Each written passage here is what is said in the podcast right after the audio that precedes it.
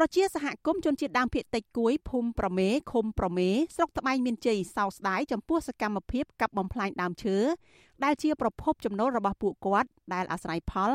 តាំងពីបុរាណកាលមក រួមមាន ដងជ័ររកឃ្មុំ បេះផ្លែឈើបោចវល្លិនិងអនុផលព្រៃឈើផ្សេងផ្សេងទៀតពួកគាត់បារម្ភថាសកម្មភាពកាប់បំផ្លាញដើមឈើធំធំនៅក្នុងដែនជម្រកសត្វព្រៃព្រះរកានៅតែកើតមានច្រើនបានគម្រាមកំហែងធ្ងន់ធ្ងរ ដល់មុខរបរនិងជីវភាពរស់នៅរបស់ជនជាតិដើមគួយប្រជាសហគមន៍ថ្លែងបែបនេះនៅក្នុងសេចក្តីប្រកាសព័ត៌មានមួយចេញផ្សាយកាលពីថ្ងៃទី1ខែមិថុនាពួកគាត់រៀបរាប់ថាក្រុមល្បាតរបស់ប្រជាសហគមន៍ដែលមានគ្នា8នាក់បានស្នាក់នៅក្នុងព្រៃ2ថ្ងៃមួយយប់ដោយធ្វើដំណើរចម្ងាយផ្លូវ50គីឡូម៉ែត្រចាប់ពីចំណុចភូមិបោះធំរហូតដល់ចុងភូមិបោះធំឃុំប្រមេពួកគេបានរកឃើញបទល្មើសព្រៃឈើទាំង90ករណី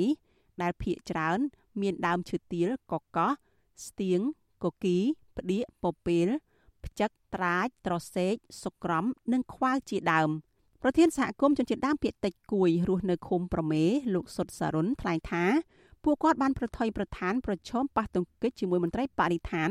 ព្រោះចង់ដឹងពីស្ថានភាពព្រៃឈើនៅក្នុងដែនអភិរក្សមួយនេះពួកគាត់បានប្រទះឃើញគល់ឈើនិងជំរាកឈើធំធំត្រូវគេកាប់ផ្ដួលយកឈើទៅធ្វើអាជីវកម្ម ស្ថិតនៅចំណុចអូតាមាអូក្រូចអូតាដុកអូតានុងនិងអូស្អតលោកបន្ថែមថាឈើហូបដែលគេកាប់រំលំមានមុខកាត់ជាង3ទឹកទៅដល់2ម៉ែត្រ គឺជាឈើលេខ1បន្សល់ចុងក្រោយនៅក្នុងព្រៃអភិរក្សមួយនេះដោយសារអាជ្ញាធរមន្ត្រីជំនាញអីគាត់អត់មានវិធានការអីទប់ស្កាត់ជាក់លាក់ចំពោះការកម្មផាញ់ព្រៃឈើនៅព្រៃព្រះរកាទេបាទបើសិនជាគេមានវិធានការណាមួយហើយបញ្ឈប់នៃការកម្មផ្លាញ់ព្រៃឈើឬបិទច្រកចេញចូលនៃការកម្មផ្លាញ់ព្រៃឈើប្រហែលជាអត់មានការកម្មផ្លាញ់ព្រៃឈើទេប្រធានសហគមន៍រូបនេះបារម្ភថាការបណ្តែតបណ្តោយឲ្យជនល្មើសបន្តកាប់បំផ្លាញដើមឈើធំៗនៅក្នុងព្រៃព្រះរកា គឺជាការផ្ដាច់ដង្ហើមសេដ្ឋកិច្ចរបស់ជនជាតិដើមភាគតិចគួយដែលអាស្រ័យផលលើព្រៃឈើដោយផ្ទាល់និងប្រយោលលោកថាជារៀងរាល់ឆ្នាំឲ្យតែដល់រដូវបេះផ្លែគុយផ្លែរំដួលផ្លែសេមាន់និងភ្ញៀវជាដើមអ្នកភូមិអាចរកប្រាក់ចំណូលចាប់ពី100000រៀលទៅ20000រៀលនៅក្នុងមួយថ្ងៃ បាទខ្ញុំព្រួយបារម្ភនៅពេលមានការការកាប់សន្ទ្រានព្រៃឈើអញ្ចឹងទៅ ទីមួយគឺជាពលរដ្ឋដែលគាត់ធ្លាប់អាស្រ័យផលអនុផលពីព្រៃឈើអញ្ចឹងទៅគាត់បាត់បង់មុខរបរពួកគាត់ម្យ៉ាងទៀតគឺការបំរែបំរួលនៃអាកាសធាតុបាទបាទកាលកាលខ្ញុំចូលទៅហ្នឹងមន្ត្រីបាឋានគាត់អត់ជួបទេបើសិនជាជួបគាត់ត្រូវជាហាមឃាត់ដូចក្លងទៅមានការហាមឃាត់ពីមន្ត្រីបាឋានប្រជាសហគមន៍លើកឡើងនៅក្នុងសេចក្តីប្រកាសព័ត៌មានបន្ថែមថា ក្រសួងបរិស្ថានពុំបានលើកទឹកចិត្តនិងអនុញ្ញាតឲ្យប្រជាសហគមន៍អង្គការសង្គមស៊ីវិលនិងក្រមយុវជនចុះល្បាតការពារព្រៃឈើដែលច្បាប់បានផ្ដល់សិទ្ធិឲ្យនោះទេ ដែលជាមូលហេតុផ្ដល់ឱកាសឲ្យអ្នកកាប់ឈើបន្តសកម្មភាពខុសច្បាប់ស្របពេលដែលមន្ត្រីឧស្សាហនរៈរបស់ក្រសួងបរិស្ថាន មានគ្នាតិចនៅឡើយវិទ្យុអាស៊ីសេរីមិនអាចតាក់ទងសុំការបំភ្លឺរឿងនេះពីប្រធានដែនជំរកសត្វព្រៃព្រះរកា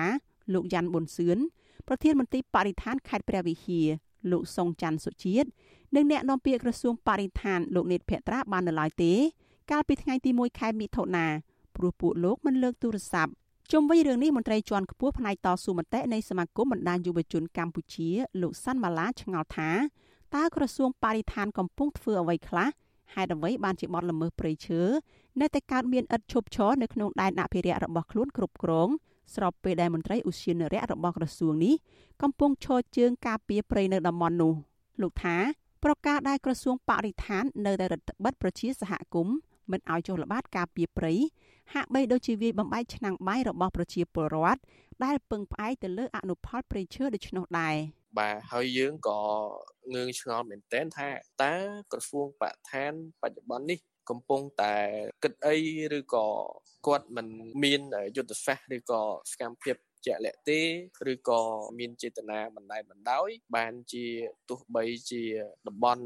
ព្រៃឈើដែលមានមន្ត្រីឧជានារៈរបស់ខ្លួនកំពុងតែប្រចាំការហើយក្តីក៏បាត់ល្មើសចេះតែកើតឡើងឥតឈប់ឈរបែបនេះប្រជាសហគមន៍ជនជាតិដើមភាគតិចគួយឃុំប្រមេ ទាមទារឲ្យក្រសួងបរិស្ថាន និងអាជ្ញាធរខេត្តព្រះវិហារ ស៊ើបអង្កេតរកអ្នកទទួលទិញនិងអ្នកនៅពីក្រោយសកម្មភាពកាប់បំផ្លាញឈើហូបនៅក្នុងព្រៃព្រះរកា